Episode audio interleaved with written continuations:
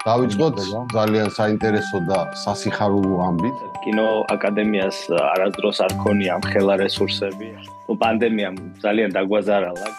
ფაქტიურად ანშლაგია ყოველ ჩვენებაზე. და აი მაგნიშის თქვა კონცეპტუალურად დაკავებას არ არაფერად არა აქვს აბსოლუტურად მნიშვნელობა ეს იქნება რეჟისორი თუ მემონტაჟე თუ ხმის რეჟისორი. ხუთი წლის მერე რომ მორჩება კონტრაქტი. ესე არ არის სამწუხაროდ აკადემიას ესე პირდაპირ არ რჩება ბისმიერი წინადადება არის ყურაცაღები მე მაგაზრს ვეწინააღმდეგები რომ კინო აკადემია მაკეთოს რაიმე სახის ბიზნესი რომ უნდა იყოს ხაწერილი აბსოლუტურად მიღების წესები. უბრალოდ ეხა ჩვენ ჩვენ ფეხები ვაბაკუნოთ, ჩვენ რატო არ გვეძახით, ჩვენ რატო არ გვეკითხებით, ნემსის ყუნწში გაწვრენა, ასე ვთქვათ. კინოს სახში კინო რო დაბრუნდება უკვე კაი ფაქტორია.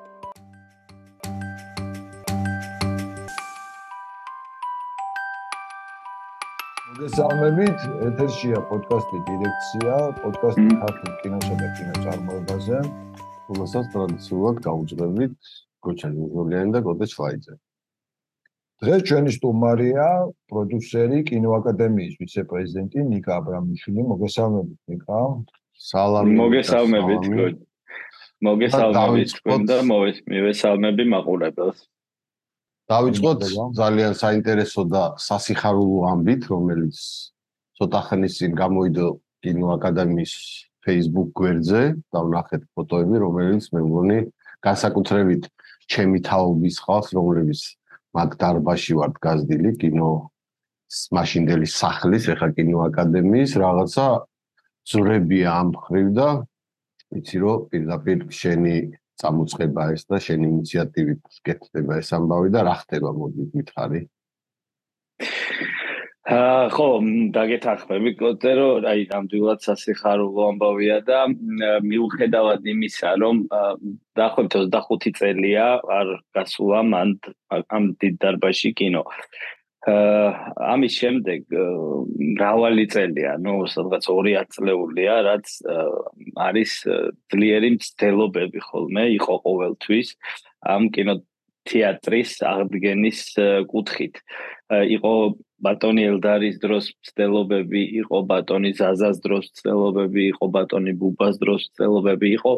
აა რაღაცა თითქოს და მიღწეული შეთანხმებებიც იყო თითქოს და დაპირებებიც, მაგრამ სამწუხაროდ ვერ დადგა ეგ დღე რა დარსულში და. აა დღეის მდგომარეობით, ну, რა თქმა უნდა, ეს გაგრძელდა უკვე ჩვენ დროსაც და ეს მცდელობები და უბრალოდ ვიპოვეთ გამოსავალი ასე ვთქვათ და აი ესეთი დასახაულო ინფორმაცია ასე ვთქვათ გამოვფინეთ Facebook გვერდზე.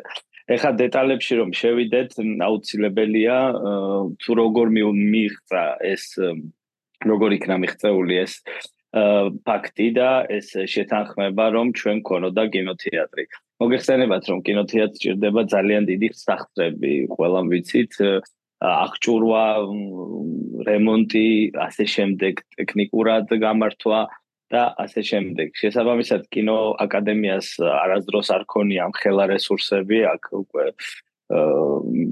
რამოდენიმე შეიძლება 100.000 დოლარზე იყოს საუბარი და პრომეტზეც ხო და შესაბამისად იყო ესეთი ფაქტორი, როდესაც პანდემიამ ძალიან დაგვაზარალა კინო აკადემია, ვერ ვარიგებდით დახმარებებს, ვერ ვარიგებდით ხელფასებს, მოგვიწია 24 ადამიანის გაშვება მაგ დროს.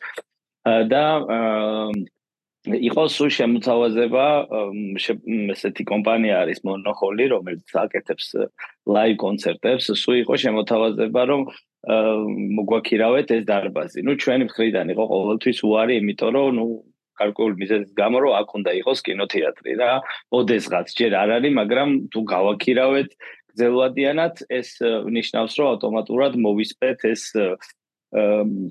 ასე ვთქვათ, ოცნება კინოთეატრზე იმ მოადით რავადითაც იქნებოდა გაქირავებული.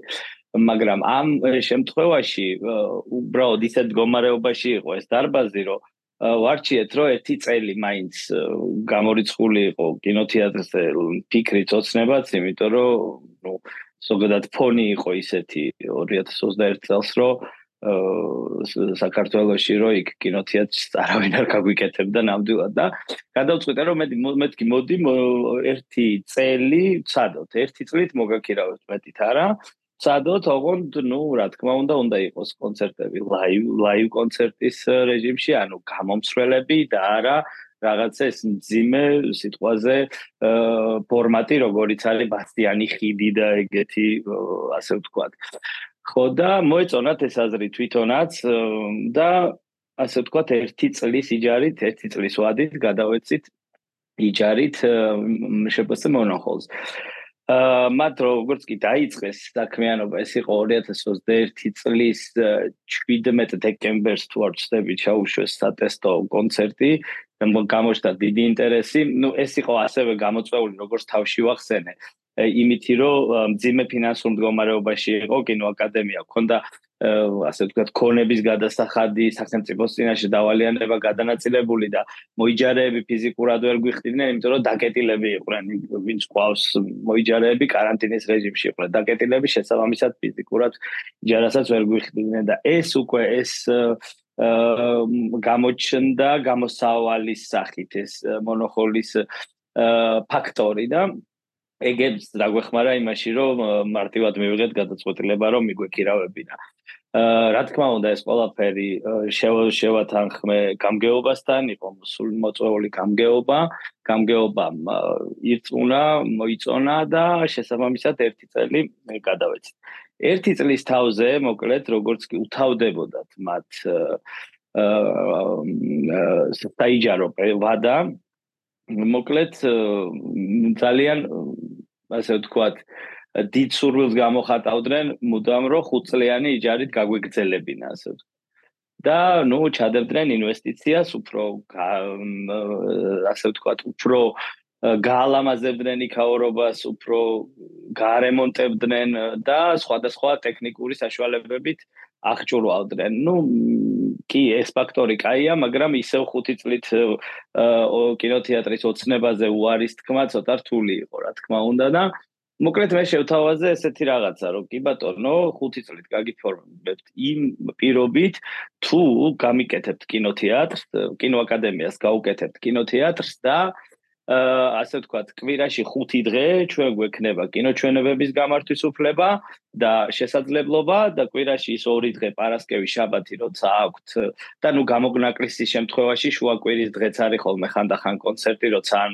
დღესასწაული უწევს ან რაღაცა სპეციალური თარიღი ასეთ. ძალიან იშვიათად ხო, ნუ სამ თვეში ერთხელ შეიძლება მოუწიოს ესე სტატისტიკურად თუ შევხედავთ. ხო და აა იფიქრეს მოკლედ ნუ მიხვდა ცოტა ძვირი უჯდებოდათ ეს სიამოვნება, იმიტომ რომ აქ აა ნუ პროექცია ეკრანი ცოტა მის იყო და ნუ საბოლოო ჯამში დიდხნიანი დიალოგის შემდეგ რამოდენიმე თვე მიდიოდა ეს მოლაპარაკება და ნუ მივახციეთ მე მგონი საუკეთესო გამოსავალს. აა მათ შეიძინეს უკვე ჩვენთვის ეკრანი, რომელსაც თვითონაც იყენებენ კონცერტზე და რა იქნება 40 კვადრატული ეკრანი, ეს იქნება P4-ის ტიპის ეკრანი, არ იქნება ეს პროექცია. რაც არის ნუ თანამედროვე კინოთეატრებში ხმის სისტემა არის აი ერთ-ერთი საუკეთესო საერთოდ სოფლიოში არა მარტო საქართველოში იმიტომ რომ მოგხსენებათ რომ კონცერტისთვისაც ძალიან მნიშვნელოვანია მათი ფორმატისთვისაც ძალიან მნიშვნელოვანია რომ ტექნიკურად და ხმა და იყოს ასე ვთქვათ ძალიან ხარისხიანი და ასევე ნუ გამოსახულება სატესტო გამოსახულება გაუშვით უკვე და არის იდეალური უბრალოდ რა. ნიკა, აი მოდი ამ ტექნიკურ რაღაცა კითხვებს დაგისვა. სკამები რა მოხდება? ნუ გასაგებია რომ შემოიტანენ და გაიტანენ, მაგრამ აი რა ტიპის რამე გასაშლელი სკამები არის არ არის გასაშლელი, ჩვენ შევეცადეთ რომ მაქსიმალურად კომფორტული სკამები შეგვეკვეთა, რა თქმა უნდა, ამასაც მონოხოლი უზრუნველყოფს უბრალოდ ჩვენ დადასტურების შემდეგ.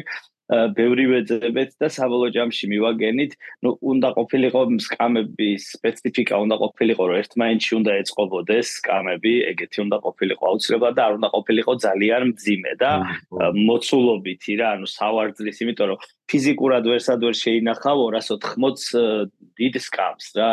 და იმის შენახვის პრობლემაც ალკეა და პლუს კიდე გატანა შემოტანა ნუ არის ესა დიდი თავისკივილი ასე ვთქვათ. და ამიტომ მე მგონია რომ ძალიან კარგ გამოსავალს მივაგენით ძალიან კარგი ვერსია აღმოაჩინეთ სკამის. და რომელიც ერთმანეთს ჭირდება არის ბადეთი ასე ვთქვათ და აქვს რა თქმა უნდა ხელის დასადებები. და არის კომფორტული, ანუ სპეციალურად ვიყიდეთ სატესტო სკამები, რამოდენიმე ვარიანტი, იმ ვარიანტების რაც შევარჩიეთ და აი ესე სპეციალურად დავჯექით და ცოტა ხანი ვიჯექით, საუბრობდით, რომ გამოგვეცადა ჩვენ თავზე ხო არ ვიღლებით სიტყვაზე ნახევარ საათში ან 1 საათში და არის აი ასე ვთქვათ შემიძლია ვთქვა რომ საკმაოდ კომფორტული და ესთეტიურადაც ძალიან კარგად გამოიყურება. და როგორც ხვდები ახლა უკვე თქვი რომ 280 ადგილიანი დიახ.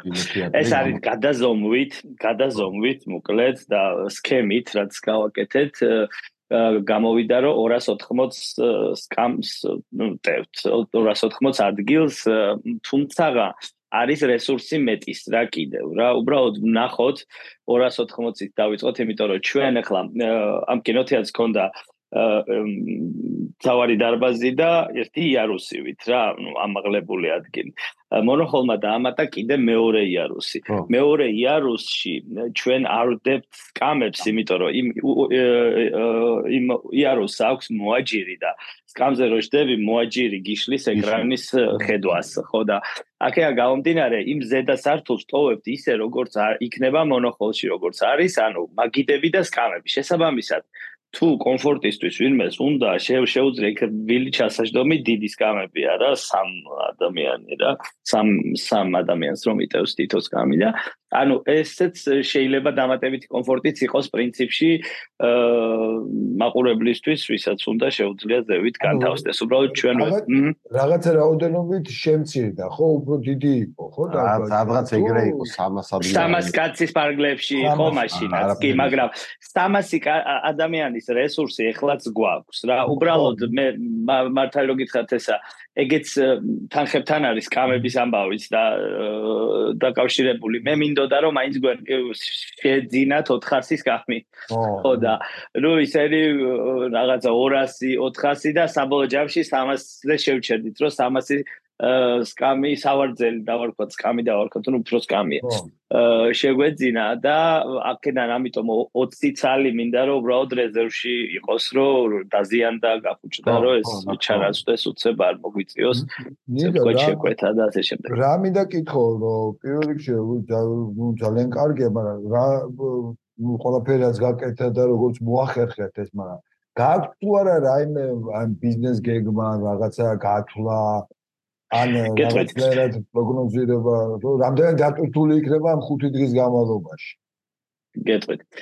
აა მოკლედ ჩვენ არ გეგმავთ, აი ხლა მოდი კიდან დავიწყოთ, რომ ჩვენს გვაქვს ჩვენ გვაქვს კიდე ვინც არის ის მაყურებელმა მოახდენებ, რომ ჩვენ გვაქვს 92 ადგილიანი საკმაოდ კარგად აღჭურვილი კინოდარბაზი, ლურჯი კინოდარბაზს ვეძახით მაგას.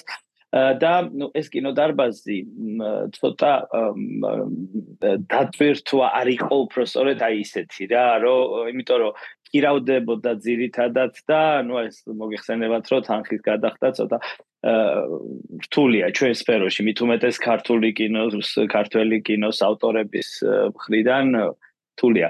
მე პირველი რაც გავაკეთე მოხსენი აბსოლუტურად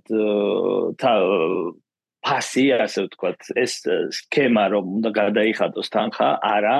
აბსოლუტურად უბრალოდ გვაქვს ესეთი სქემა რომ კინოაკადემიის წევრებს შეუძლიათ გთხოვონ ანუ მოგმართონ წერილობით რომ აი ამადამ ფილმს გთხოვთ გადაეცით კინოდარბაზი ამადამ საპრემიერო ან სხვა სახის ჩვენებებისთვის ჩვენ ამითი მივიღეთ ასევე გავაკეთეთ კოლაბორაცია სინექსპრესთან რომელიც დავიწყეთ კვირაში ერთი ჩვენებით და გადავედით კინოში კვირაში ორ ჩვენებაზე და ფაქტიურად ანშლაგია ყოველ ჩვენებაზე და ეს ანუ ძალიან გაამართლა ამ პროექტმა უკვე წელიწადზე მეტი არც მახსოვს როდის დავიწყეთ ეს პროექტი და ძალიან კარგი ტრადიციასავით დამკვიდრდა რომ არის კლასიკინო კლასიკის ჩვენება ყვირაში ორჯერ და არის დასწრება რაც თავარია კარგი. ასევე მაგის გარდა ხო აი რო თქვა დატვირთვა ახლა ქვედა დარბას აქვს დაახლოებით კვირაში 20 დღე მაინც ეს თვეში 20 დღე მაინც რა რაც არის ნამდვილად დიდი დატვირთვა და ასე ვთქვათ, კინოს სახში კინო რო დაბრუნდება უკვე კაი ფაქტორია.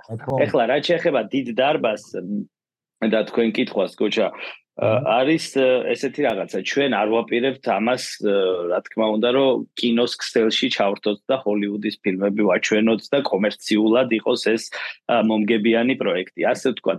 იმიტომ რომ ჩვენ ამ კინოთეატრს არ ვაქცევთ ნამდვილად კომერციული შემოსავლის წყაროთ იმიტომ რომ ეს იქნება ფაქტიურად ძალიან ბეწვის ხიდი რთული გზა და შესაბამისად იგივე ცოტა გაგვიჭirdება ბალანსის დაჭერა ქართული კინოჩვენებების მიმართ კარტო ახლა სიტყვაზე აი ამირანში ხო რო ხდება რო ხდება კინოფესტივალის ჩატარება ხო ნებისმიერის ან კინოჩვენების ამირანი იღებს ამაში თანხას იმიტომ რომ იმას ხარჯი აქვს. შესაბამისად ეს თუ ბიზნეს გეგმაზე ავაწყეთ მაშინ არ გამოვა რა ვიღაცას თანხა გამოართვა ვიღაცას არ გამოართვა და ძირითადად ეს უნდა იყოს ახლა საიუბილეო თარიღებისთვის, მიძღვნილი საღამოებისთვის, უნდა იყოს საპრემიერო ჩვენებებისთვის და უნდა იყოს სხვა სახის ჩვენებებისთვის კიდე რომელიც შეიძლება და ინიკა ჩაგეკითხები აქ რომ პრინციპში საქართველოში თუმცა რაღაცა დოზით ამირანს უნდა და რაღაც ამბიციაც აქვს რომ ცოტა არამეინსტრიმულ კინოებს აჩვენებს, მაგრამ მაინც ცოტა არის მოდი შევთანხმდეთ და აი მაგნიშის თქვა კონცეპტუალურად დაკავებას არ არაპირებ თქვა არ მე გეტყვით როგორი ერთი იყო ერთი მომენტი ადრე ზაზამ დაიწყო ესეთი პროექტი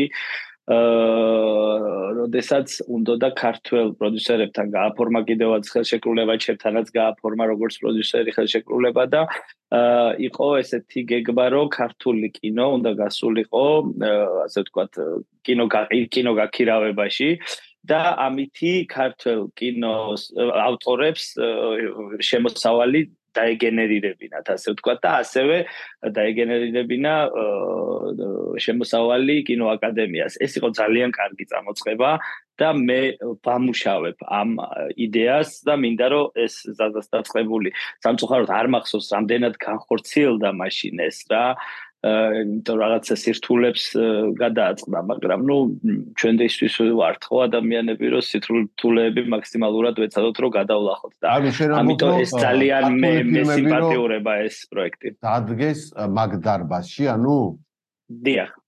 ქართული ფილმები დადგეს კომერციულად ამ დარბაზში. საიდანაც ავტორს ავტორს ავტორი დააგენერირებს ასე ვთქვათ თანხას. და რა მაინტერესებს ი? კიდე აი მაგას აა რამდენად მე არ ვიცი ახლა დარწმუნებული ვარ რომ მაღალი დონის ეკრანია ეს. მე ესე ვიტყვი რაღაც არაპროფესიონალურად პლაზმა ეგრეთ წოდებული პლაზმა ხო? უბრალოდ სულ იხვეწება ვიცი ტექნოლოგია და ანუ პროექცია არის თვითონ ხო არ უშვე გამშვები არ ჭირდება პირდაპირ არა არა ეს არის ეკრანი სრული აი რო წარმოვიდგინოთ, ეს არის პიქსელებით შექმნილი ეკრანი, რო წარმოვიდგინოთ, აი ფილარმონიაზე რო დგას დიდი ეკრანი სარეკლამო, აი დაახლოებით იგივე პრინციპია. უბრალოდ ფილარმონიამ დაახენა ეგ ალბათ 7-8 წლის წინ არ მახსოვს და ეხლა არის დღეისათვის უახლესი მოდელი რა, ეს ჩვენი ეკრანი და შესაბამისად დააკმაყოფილებს არ იქნება რა, არ დაგლის თვალებს არ გაგა. არა, ხო, რა თქმა უნდა, ეგ ეგრე უნდა იყოს. უბრალოდ აი რამდენად შესაძლებელია არ ვიცი მე ხა ეგ დეტალები და იმიტომაც ვკითხულობ რომ თქვა დისტრიბუტორს ანუ მაგ იქ ვიცით კინოთეატრებს თქვა აძლევენ DCP-ს და ასე შემდეგ. აქ როგორ ხდება? თქვა მე მინდა ვიღაცის ფილმის ჩვენება, აი ტექნიკურად ნებისმიერი ფორმატით, ნებისმიერი ტექნიკური ესე იგი ფორმატის ფილმის გაშვება იქნება შესაძლებელი. როგორც DCP, ასევე ნებისმიერი MP4 იქნება თუ HD თუ ასე შემდეგ, უბრალოდ მანდ სხვა მომენტია კიდევ რომ ხო ნუ ეხა თუ იქნება დაბალი ფორმატის ფილმი მაგალითად და კონტენტი დიდ ეკრანზე უბრალოდ ძალიან დაიფიქსელება რა და ყოველთვის ეგრე ხდება ხო. ამიტომ რა თქმა უნდა ეს ხომჯობესია DCP იყოს ყოველთვის მაგრამ ყველას არა აქვს DCP მით უმეტეს ცოტა ძველ ფილმებს რომელიც შეიძლება ასევე ხა პლუსი რა აქვს კიდე ამას ამ ეკრანს ეხა მაგალითად ამირანში ეხლა რომ საიუბილეო თარიღი ქონდა იყო მან შეიქმნა ესეთი პრობლემა რომ აი ამ კოლაჟის გაშვება და გათიშვა და მე მუსიკალური ნომერი აი მის გამო შეიქმნა პრობლემა იმიტომ რომ პროექტორს ჭირდება რაღაცა დრო რომ ასე ვთქვათ როგორ ვთქვა რომ დაიქოქოს. შესაბამისად რომ გააჩერებ ხო კადრს და გამორთავ მე ეგრევე უცებ ვერ გავუშვებ რა. ანუ იმას ჭირდება რაღაცა გარკვეული დრო. შეიძლება ეს იყოს 2 წუთი მაგრამ შეიძლება იყოს 10 წუთი. არ ვიცი რამდენი მაგრამ ეს დრო არის შემაფერხებელი ფაქტორი.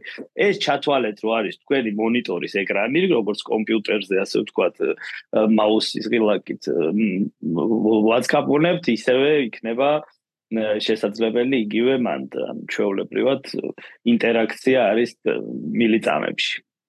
ხო და მე კიდე ერთი კითხვა მაქვს ესეთი რომ ვთქვათ ეხა გამოდის რომ ну минимум ორი დარბაზი აქვს უკვე იმას კიდე რეგულირებული წითელი დარბაზიც არის ვიცი ხო უფრო კი მოგზალებული ჩვენებებისთვის და აი ამ დარბაზებს ვთქვათ ეყოლება ერთ ერთი მენეჯმენტის ქვეშ იქნება თუ სხვადასხვა ტიპები ამუშავებენ თუ აი როგორ წარმოგიდგენია ვთქვათ ამის ორი მენეჯმენტის ქვეშ იქნება ეს დარბაზი ეს დარბაზები, იმიტომ რომ ერთი დარბაზი არის ერთი მენეჯმენტის ქვეშ და არის ძალიან კარგად ასე ვთქვათ აა პროცესში და გვაქვს დატვირთვა საკმაოდ დარბაზის. და ამ დარბაზზე კიდევ მინდა რომ თავარი აქცენტი კიდე ერთი ფაქტორია რაც მინდა აუცილებლად თქვა რომ საერთოდ ну რა თქმა უნდა კინო აკადემია ხო არის გარდა იმისა რომ თავისი წესდებით გაწერილი ფუნქციები აქვს უნდა იყოს ყოველთვის მზრუნველი აკადემიის წევრებზე. მით უმეტეს, როდესაც ჩვენი აკადემიის წევრების 80% არის ასაკში და შესაბამისად ზოგი არის ძალიან ცუდ ფინანსურ მდგომარეობაში, ზოგი არის უბრალოდ პირდაპირ თქვათ რა და ნაწილობრივ ალბათ ჩვენი თაობის ბრალიც არის რაღაც მომენტში ის, რომ ცოტა დაუფასებლებიც არიან და დავიწყებულებიც არიან ადამიანები, ხო? არა აქვს აბსოლუტურად მნიშვნელობა ეს იქნება რეჟისორი თუ მემონტაჟე, თუ ხმის რეჟისორი თუ კინოოპერატორი, რომელმაც 30 წელია ვეღარ ახორციელებს თავის საქმიანობას და უბრალოდ არის დაუფასებელი რა, ასე ვთქვათ რა. და მაქსიმალურად ვაძლიერებთ ზრუნვას მათზე და აქედან გამომდინარე კიდევ მინდა რომ მრგვალი თარიღები, ასე ვთქვათ, ხუთზე დამრგვალებული თარიღები აღუნიშნო 60 წელს ზევით უკვე ყველას და მაგალითად ვინც გახდება 65 წლის იუბილე როცა ექნება იმ თარიღში მინდა რომ საიუბილეო საღამოები გავაკეთოთ ყველასთვის. და ეს საღამოები იქნება გარკვეული ფორმატის, მათი ფილმების კოლაჟი, მათი გამოსვლები, მათი მეგობრების გამოსვლები, ჩვეულებრივი საიუბილეო საღამო, როგორიც არის, თქვათ, როგორიც გვინახია და ყოფილვართ, ხო? ანუ მინდა რომ ეს ყველაფერი ჩვენ უზრუნველყოთ, იმიტომ რომ ყველამ ვიცით, რომ მათ ამის შესაძლებლობა არ აქვს, რომ თვითონ გააკეთონ ესეთი რაღაცა და მე ვფიქრობ, რომ ეს ძალიან ეფექტური იქნება, იმიტომ რომ რაღაცას იმასაც შევძემთ ამ ადამიანებს, რომ ვიღაცა მათზე ზრუნავს რა და ვიღაცეები ასე ვთქვათ. დაზუსტებისთვის რომ მიუბრუნდეთ ახალი კინოთეატრის, ანუ დიდი დარბაზის მენეჯმენტს. ანუ იქ რაღაცა მოლაპარაკება ჯგუფთან ერთად, ვინც ახლა ამჟამად რენტა აქვს, ხო, რომ რაღაცაერად ამ შემოსავალს იყოფთ, არ იყოფთ და მეორე კითხვა რა მაქვს, იცი, აქვე შეიძლება რომ ეს რომ ხუთი წლის მერე რომ მორჩება კონტრაქტი. ეს ანუ ეს ეკრანი თქოთ სკამები ისინი ყველაფერი აკადემიას შეება ხო? ალბათ მოგახსენებთ ესე არ არის სამწუხაროდ აკადემიას ესე პირდაპირ არჩება, თუმცა იქნება გამოსყიდვის შესაძლებლობა, რა ჩვენ უნდა გამოვისყიდოთ ეს ყველაფერი და ეს ყველაფერი გაწერილია. უბრალოდ გაჩნია როგორ, იმიტომ რომ გარდა იმისა, რომ ეს კინოთეატრია და კოლაბორაცია, შეფასე მონოჰოლი გვიხდის იჯარას კინოაკადემიას, რასაც ვახმართ სხვადასხვა საკითხებს, ხო ძირითადად ასე ვთქვათ, პენსიის დანამატებს გავცემთ იცით? იმაში ყოველთვიურს ჩვენი აკადემიის წევრებისთვის, ვინც არის 60 წელს გადაცილებული, სხვადასხვა ღონისძიებებს, სხვადასხვა ადმინისტრაციული ხარჯებია და ამისთვის თანხა, ну, რა თქმა უნდა, ახლა უბრალოდ შენობის შენახვასაც კი თანხა ჭირდება და კონების გადასახადის ძალიან დიდი უწევს, ხო? შესაბამისად, ეს ფაქტორი, რომ მონოჰოლის ფაქტორი არის ორმაგად მომგებიანი და ორმაგად სასარგებლო კინოაკადემიისთვის, რადგან გვიხდის იჯარას და თან გვაძლევს კინოთეატრს, ასე რომ ვთქვათ, ბჭყალებში. და ხუთი წლის მერე თუ კინოაკადემიას ექნება იმის საშუალება და დიდი იმედი მაქვს რომ ექნება, იმიტომ რომ ფინანსურად ნენალა ნენალა ცოტა უფრო ძლიერდებით, მაგ შემთხვევაში მოხდება გამოსყიდვა და უკვე იქნება კინოთეატრი 7 დღე უკვე კვირაში და 5-ის ნაცვლად. თუმცა ასევე განიხილება ბადის გაგრძელება მათთან თუ კინოაკადემიას არ ექნება იმის საშუალება იმ დროისთვის რომ გამოისყიდოს ეს ტექნიკური საშუალებები, იმიტომ რომ საკმაოდ ძვირი საშუალებებია ეკრანზე ალბათ რა ვიცი შვიჯერ ძვირი ხმის აპარატურა რა ამ კიდევ რა და მე ხარისხის დაგდებაც არ იქნება კარგი რო სიტყვაზე ხა ჩვენ მარტივად გამოვწურეთ და პროექტორზე გადავეწყოთ და ასე შემდეგ, იმიტომ რომ ხალხი როცა არ მიჩვეულ, რა თქმა უნდა, რატო ხარისხი ყოველთვის უნდა იმატებდეს, არ უნდა iklepდეს. ამიტომ თუ იქნება სურვილი კინოაკადემიისაც და მის მათი მხრიდანაც შესაძლებელია ასევე გაგრძელდეს კონტრაქტი და ამიტომ 5 წელს ხას არ უსვავ მე საერთოდ იმიტომ რომ რეალურად არავინ არ იცის როგორ აჯობებს სამომავლოდ. კი, თავარი ფაქტორი ეგ არის რომ მე რაზე თანკითხების უთემზე, ანუ მონოხოს აქ ეგ უფლება რომ რაღაცა თვითონ ფილმი შემოიტანოს, დისტრიბუცია განახორციელოს და დააყენოს, ხო, პრინციპში. თავის სახე. იცით რა, კი, მაგრამ მათი ეგ მაგ ინტერესი ეგ ინტერესი საერთოდ არ გააჩნია მონახულს, არც აპირებს, არც არის განსაზღვრული ხელშეკრულებით, მათ არ აქვთ ამის უფლება.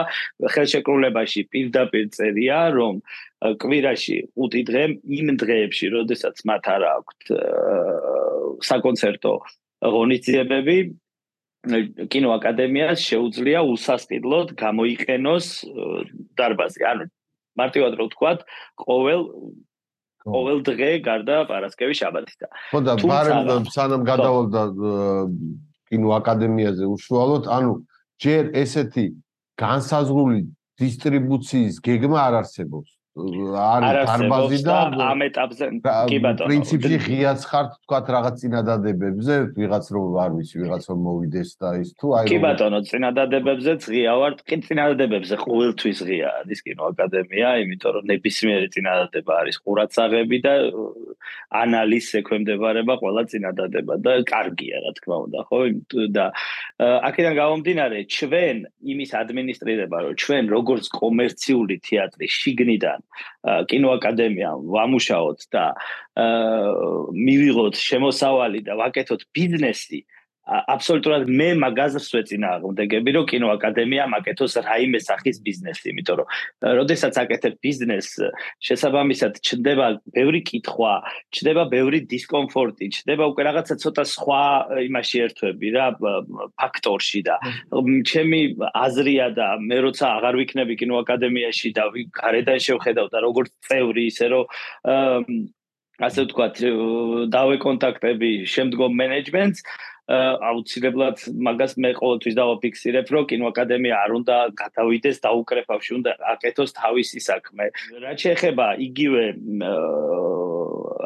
თანხის, აი იმ თანხების, რაც სიტყვაზე ჩვენთას და უბრალოდ ფუნქციონირებისთვის არის საჭირო იგივე ტექნიკური პერსონალის და ასე შემდეგ. აი ახლა მაგაზე გეტყვით მეორე დარბაზის, ანუ ლურჯი კინო დარბაზის მაგალითს, რომ ჩვენ თუ სიტყვაზე კვირაში 20 დღე ვამუშავებთ ამ დარბაზს უფასოდ და დასწრება არის თავისუფალი, ასევე გვაქვს თვეში რამოდენიმეჯერ ისეთი ასე ვთქვათ გაქირავების პრინციპიც ხოლმე, როდესაც სხვადასხვა სახის გონიძიება ან საელჩო ქირაობს, ან სხვადასხვა ორგანიზაციებს ჭირდებათ რაღაცა გარკვეული ღონისძიების ჩატარება და ამისთვის ჩვეულებრივად არსებობს ტარიფი და არის გაქირავებული. როცა აი ქართულ კინემატოგრაფს არ ეხება და ამიტომ უბრალოდ მე მინდა რომ მინდოდა ყოველთვის რომ ქართულ კინემატოგრაფს ქონოდა ეკრანი, ისეთი რომელშიც არ მოუწევდა ფულის გადახდა. თუნდაც ეს იყოს 10, 15, 20 და მეტი წლის წინ გადაღებული ფილმი და უბრალოდ უნდა რომ შეახსენოს მაყურებელს და ავტორმა ანახოს გარკვეულ წრეს.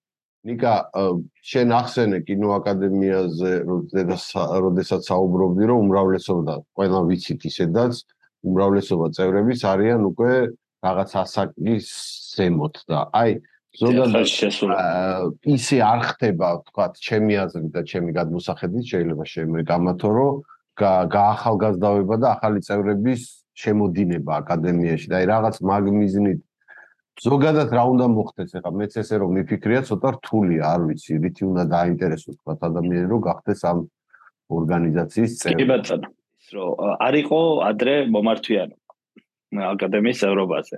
ანუ ინტენსიური მომართვიანობა არისო იმიტომ რომ უბრალოდ აკადემიას ეშხი იმხელა ეშხი არ ქონდა ეწყობა ესე რომ თქვა ამ სიტყვით ახალ გაზრდა კინემატოგრაფისტებში ასე ვთქვათ, მოდი ვთქვათ, სადღაც 60 წლის ქვემოთ, რო ვთქვათ, ესე. აა, იმიტომ რომ მის ზემოთ თითქმის ყველა კინემატოგრაფისტი ფაქტიურად წევრია. ახალგაზრდებში ერთხელ წამოვიდა ინტერესი მასიური, ცოტა გასაკვირი არჩევნების დროს ზუსტად რომ გააჩერეთ არჩევნები და მიგვიღეთ 70 წევრი, რაც იყო გამორიცხული იმ დროისთვის და ამ მიმართულებით როგორც კი ესე ვთქვათ მოდი ესე ვთქვათ 2002 წლის 22 წლის იანვრიდან ინტენსიურად მაინც მიდის ამის დამუშავება ფორმატის, იმიტომ რომ უნდა იყოს გაწერილი აბსოლუტურად მიღების წესები, იყო ეს გაწერილი, მაგრამ ეს წესები არის საკმაოდ მოძველებული და არ არ შესაბამება თანამედროვეობას. და მოდი ვთქვათ წესებზე მოგვიანებით გადავალ. ჯერ გადავალ ჯერ მოგახსენებთ მომართვიანობის ჩემ აზრს რატომ არ არის მომართვიანობა ხო? იმიტომ რომ უბრალოდ არ აქვს იმ დონის ეფექტური ანუ ვერ ხვდებიან ხალხი რომ იკითხია უბრალოდ აი ჩემ მეგობრებისთვის ახალგაზრდა კინემატოგრაფისტებისთვის რას ფიქრობენ ამასთან? აი რას მაძლევს? აი რა თმინდა ხო? აქედან გამომდინარე ჩვენ ამ მიმართულებით მინდა რომ მოხდეს გვინდა მოხდეს გაძლიერება რომ უბრალოდ კინოაკადემიამ დაიბრუნოს ფუნქცია სრულფასოვანი და დაიბრუნოს კი არა უფრო განავითაროს და აი რა დისკუსია შეიძლება იყოს ნიკა? აი უბრალოდ მოდი დისკუსიაში რომ შემოვიდე მე თქვა ეს უნდა იყოს არ ვიცი ლობისტი თქვა კინემა ამ ზოგადად სექტორის იგივე არ ვიცი მე სამინისტროსებთან კინოცენტრთან იმასთან ურთიერთობაში თუ აი რა აი ცოცხალი რო აუცილებლად ანუ ეს უნდა იყოს გილდიები აქვს თქვა სოფლიოს სხვადასხვა ქვეყნებში აკადემიებიც არის რა თქმა უნდა და იმათ რაღაც კი ბატონო ხო. კი ბატონო ეგ არის ერთ-ერთი მთავარი ამომავალი წერტილი რაც რაც უნდა დაიბრუნოს კინოაკადემიამ იმიტომ რომ ჩვენ ვიცით რომ ათწლეულების განმავლობაში კინოაკადემია იყო ისეთი ორგანიზაცია რომელიც იყო ასე ვთქვათ ძალიან ბევრი გადაწყვეტილების მიმღები ორგანიზაცია და ეს სამწუხაროდ ცოტა ჩამოერთვა თანამედროვე დროს ეს ფუნქციები უბრალოდ აი დაჟე რო ვთქვათ რომ აი ისეთი ტიპის კომისიები რომელიც სიტყვაზე განსაზღვრავს რა ფილმი უნდა წავიდეს ოსკარზე რაღაცა გარკვეული კონკრეტული საკითხების გადაწყვეტი. ეგეც უკვე იყო რაღაცა ფორმალურად ბრალოდ როგორ თქვა სურვილზე რომ დაუძახოთ კინოაკადემიის წარმომადგენელს თუ არ დაუძახოთ. ანუ ეს პირველ რიგში უნდა მოხდეს მაგრამ ეს რა არის ეს კომპლექსურად ხდება რა ჩემი აზრით. არ არის ეს რომ უბრალოდ ეხა ჩვენ ფეხები ვაბაკუნოთ ჩვენ რატო არ გვეძახით ჩვენ რატო არ გვეკითხებით ისა ესა ეს თავისით უნდა მოვიდეს. თავისით რომ მოვიდეს, ხო? აქ არის გარკვეული ფაქტორები, უნდა წარმოადგენდე, უნდა სიტყვას იძახდეს კინოაკადემიათ სფეროში და სექტორში. აა რისი შვენიერი აა ასე ვთქვათ, საშუალებაც არის ერთ-ერთი მცირე აგური არის მაგ მიმართულებით, ასევე ასე ასევე დიდი კინოთეატრი აა სხვადასხვა სახის ღონისძიებები მათ შორის რაც ეც მუშაობთ ახლა დიდი ხანია და დიდი დაინტერესება წამოვიდა კულტურის სამინისტროდან ამ მიმართულებით. ხალბატონი მანანა არის კონტაქტზე და ამუშავებს ამ პროექტს კინოაკადემიის ეროვნული კინოაკადემიის ჩილდო. ანუ ხონიზება რომელიც უბრალოდ იქნება ძალიან მნიშვნელოვანი და ძალიან პრესტიჟული ნებისმიერი ქართველი კინემატოგრაფისტისთვის და ეს არ იქნება რაღაცა გაუფასურებული ჯილდო, ეს იქნება თავისი ყველანაირად ჩამოყალიბებული კამ ყველანაირად ჩამოყალიბებული ხონისძიება, გაწერილი და ეფექტური. ეს უბრალოდ დამუშავების პროცესშია და არ მინდა ეხლა რომ დეტალებში შევიდე, როგორი იქნება, რა იქნება ამ ეტაპზე. რენიმე დღეა ვთქვათ ყველა ვაკვირდებით რაღაც ერთ უსიამოვნო რაღაცა პრეცედენტს, არა ხა სახელები არ გვინდა აქ სახელოთ, მაგრამ ზუსტად აი პრობლემი რამდენიმე ამ ბოლო პერიოდში წამოვიდა ვთქვათ ხო აი ეს რაღაც პრობლემები პროდიუსერებსა და რეჟისორებს შორის, რამაც გამოიწვია და რაც სუდია თავისთავად ისედაც პრობლემები სუდია, მაგრამ უკვე მეორე პრეცედენტია, რომ დაიკარგა ერთხელ მოხდა რომ ევრიმაჟის დაფინანსება დაიკარგა მაშინ და ეხა აი რაღაცა ბიენალეს რომელიც პირველად მოიპოვა საქართველოს და საფრთხე ემუქრება იმედი მაქვს რომ რაღაცა გადაწყდება ეს ამბავი კარგად. თუმცა ჯერჯერობით პრობლემების სახეზია და აი რატო რა ხდება ზოგადად? დიდ არის ეს არის ეს არის ჩვეულებრივი პროცესი ჩვეულებრივი მოვლენა მე არ დავარქმევდი რომ ეს რაღაცა კატასტროფა მოხდა. რა თქმა უნდა ძალიან ცუდი ფაქტორი მოხდა მაგრამ არა უპრეცედენტო ხო ხდები? ანუ ყველა ქვეყანას ხდება იგი იმიტომ რომ ყველა ფონდს მაგალითად ევრიმარს მაგალითად.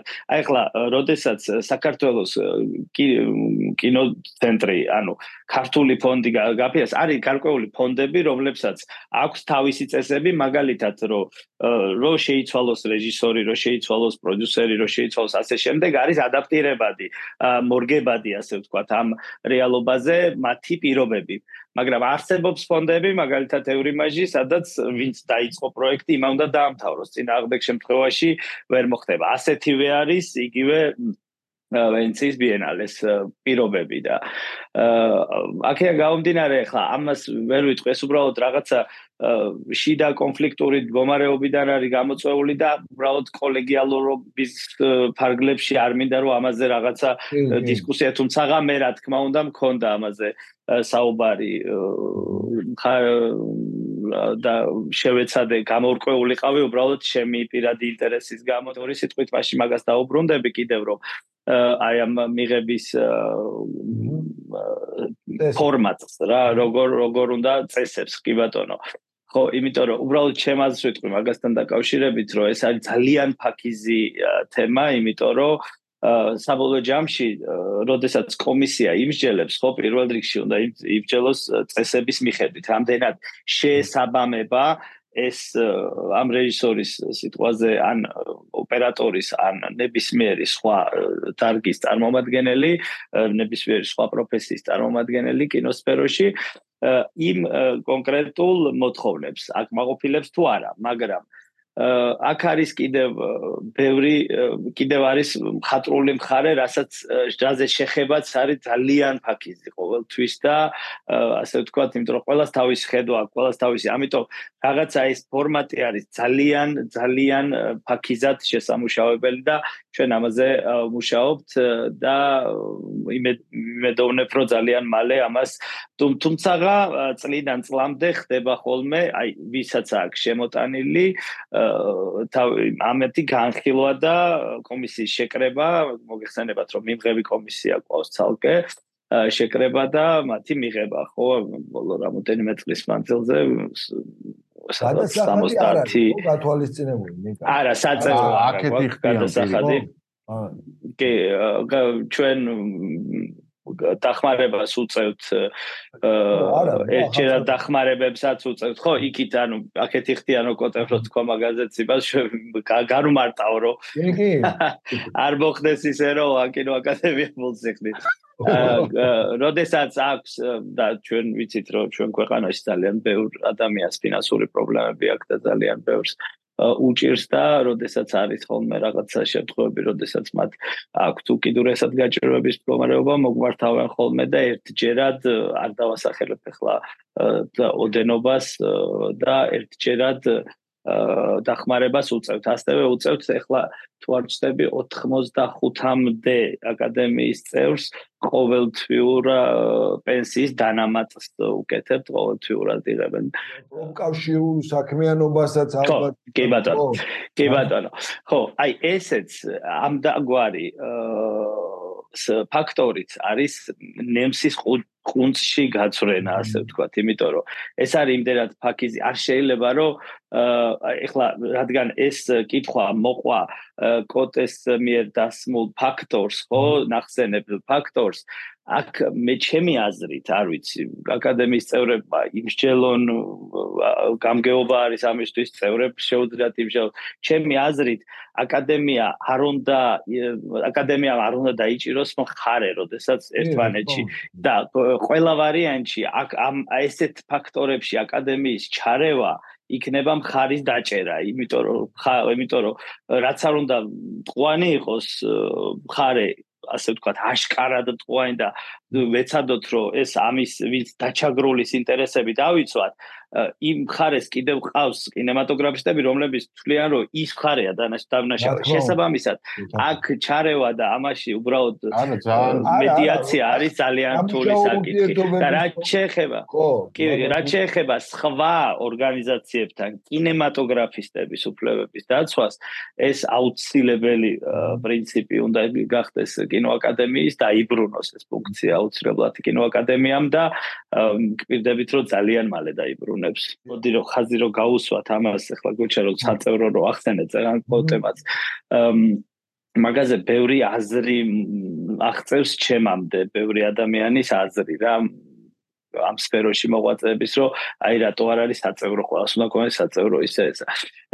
საწევროს ჩემი აზრით არის ძალიან არამიზან შეწონილი კინოაკადემიისათვის, იმიტომ რომ საწევროს თუ გააკეთებ, მაშინ ყველა ყველა ვარიანტში დისკრიმინაციული გამოვა ეს საწევრო, იმიტომ რომ საწევროს ვერ მოთხოვ იმ ადამიანებს, რომლებსაც იქით ეხმარები და თუ იყო ასევე ასეთი შემოთავაზება, რომ ახალგაზრდა წევრებმა გადაიხადონო და ძველ გაზრდებმა არაო. ეს ჩემი აზრით მაინც დისკრიმინაციულია და აი ეს საწევრო იმდენად მაინც უმნიშვნელო იქნება რომ აბსოლუტურად არამიზან შეწყვეტილი მგონია. მაგალითად, არძეს, თუმცა მაგ სხვადასხვა მექანიზმები შეიძლება ეხლა ისე დისკუსიის კი არა, უფრო აზრების გაცვლის ამბავში გადავიდეთ, რომ შეიძლება რომ პირველი 10 წელი უფრო საწევრო ქონდეს და ეხლა ადამიანი კი აკადემიის წევრი რო არის? 20 წელი 25 და 30 იმას რა თქმა უნდა არც უნდა გადაახტევინა მაგ ხო ნუ სტაჟის მაგ გასაგებიც არის რომ მაგ მაგაზე არ უნდა მიხვიდე მაგრამ იმისთვის ახალგაზრდისთვის ვისთვისაც ეს შეიძლება რაღაცა საგზური იყოს ამ სამყაროში საშუალება იყოს რომ თქვენი კინოთეატრებით გამოიყენოს საშუალება კონდეს რომ დისკუსიებში ჩაერთო საშუალება კონდეს ღონისძიებებში და მოდი ესე ვთქვა კოჩა კი ბატონო, გეთანხმებ. კი, ჩემი აზრით, კინოაკადემია, რასაც ნიკა ამბობს, თქვა, ცოტა უნდა ჩამოყალიბდეს, რომ მართლა რატო უნდა მოუნდეს ადამიანს გაწევრიანდეს და მე ალბათ მაგ საწევროსზეც მე უკვე კი ბატონო, ეხლა საუბარი. მოიპატიჟო რომ შემოდი ჩემთან და თან კარგია კინოაკადემია გაწევრიანდი და თან ფული გადაგვიხადეთ ცოტა ისეთი. ხო, ჯერ ცოტა ადრე მე მგონი ნიკა შენთან ძალიან სასიამოვნოა საუბარი და რაღაცა, მაგრამ ვეღარ ვასწრებ. მგონი ამ ფორმატში კიდე ანუ შენ პროდიუსერულ მოღვაწეობაზე საუბარს და ეგ შემდეგისთვის გადავდოთ და იმედი მაქვს რომ კიდე შევხვდებით. რომ საკმაოდ გძელი და საინტერესო საუბარი გამოგვიყვება. გავაჟღერებ ერთ ორ საკითხს კიდევ რომ რაც შეხება ხო ეხლა გადასაღებ მოედანზე ვარ აქეთ ვარ ხა შემოსული ოთახში და აა მეც მეტი სესიისთვის უბრალოდ ცოტა ის ვიქნები შეზღუდული და კიდე ერთი ფაქტორი მინდა გავაჟღერო რა მე მქონდა საუბარი და მიმდინარეობს საუბარი დავით ოქიტაშვილთან რა იმასთან დაკავშირებით ვარსკვლავებთან დაკავშირებით იმიტომ რომ უბრალოდ მე დაურეკე უცხარი რომ ეს ვარსკვლავები კარგია რომ იყო ძალიან კარგი არის იმიტომ რომ უნდა გქონდეს საქართველოს მართლა ყავს და ყავდა ყოველთვის ისეთი ადამიანები ნამდვილად ვისთან შეიძლება ვარსკვლავთან უბრალოდ ფოტოს გადაღება მოუნდეს ადამიანს ან უბრალოდ გასე გაიგნება იმ ხეივანზე, მაგრამ აა ერთი მომენტია რომ ეს იყო კინოთეატრი რუსთაველთან და კაც მარიცის ეხლა იქ რა იქნება? რესტორანი იქნება სასტუმრო იქნება? კინოსახლი ყოველთვის იყო კინოსახლი და ყოველთვის იქნება კინოსახლი. ეს არის გარდაუვალი და შევთავაზთან წინ ძალიან ლამაზი ხეივანი აქვს კინოსახლს თუ იცით და იქ შევთავაზე ვარსკვლავების ტრადიციის გაგრძელება, რაც ძალიან გაეხარდა დავითსაც და მითხრა რომ მე უფრო მეტსაც ვიზაო, ხო კახი კალაძესო თბილისის მერსო რომ ფინანსები გამოყოს რომ არსებული ვარსკვლავებიც მათ გადმოვიტანოთ. არა, მოდი დავითოვოთ ყველა მიმედი რომ რუსთაველი მაინც კინოსკერად დარჩება და მართლა სასტუმრო და რესტორანი არის. მეთმაქნას. რაღაცა მანდ ერთად მე მგონი აკადემიამაც და ყველამ ერთად უნდა რაღაცა ვიბზოლოთ და ხმალი ამოვიღოთ თქო არა, მაგრამ რაღაცა ეს არის თემა რა შეიძლება ყველა გაერთიანდეს, ყველა აზრის მქონე ადამიანი გაერთიანდეს. რა ვიცი, დავამშვიდობოთ ნიკას, ძალიან დიდი მადლობა. ჩვენ ძალიან დიდი მადლობა თქვენ. შევახსენებ, ჩვენი სტუმარი იყო პროდიუსერი კინოაკადემიის ვიცე-პრეზიდენტი ნიკა აბრამიშვილი, ნიკა წარმატებებს გისურვებთ. და იმედი გვაქვს რომ ხშირად შევხვდებით და ვისაუბრებთ სხვა კინო საჭიროებო საკითხებზე. აბა წარმატებები. მადლობა, მადლობა, უღრმესი მადლობა, უღრმესი მადლობა მოწვევისთვის.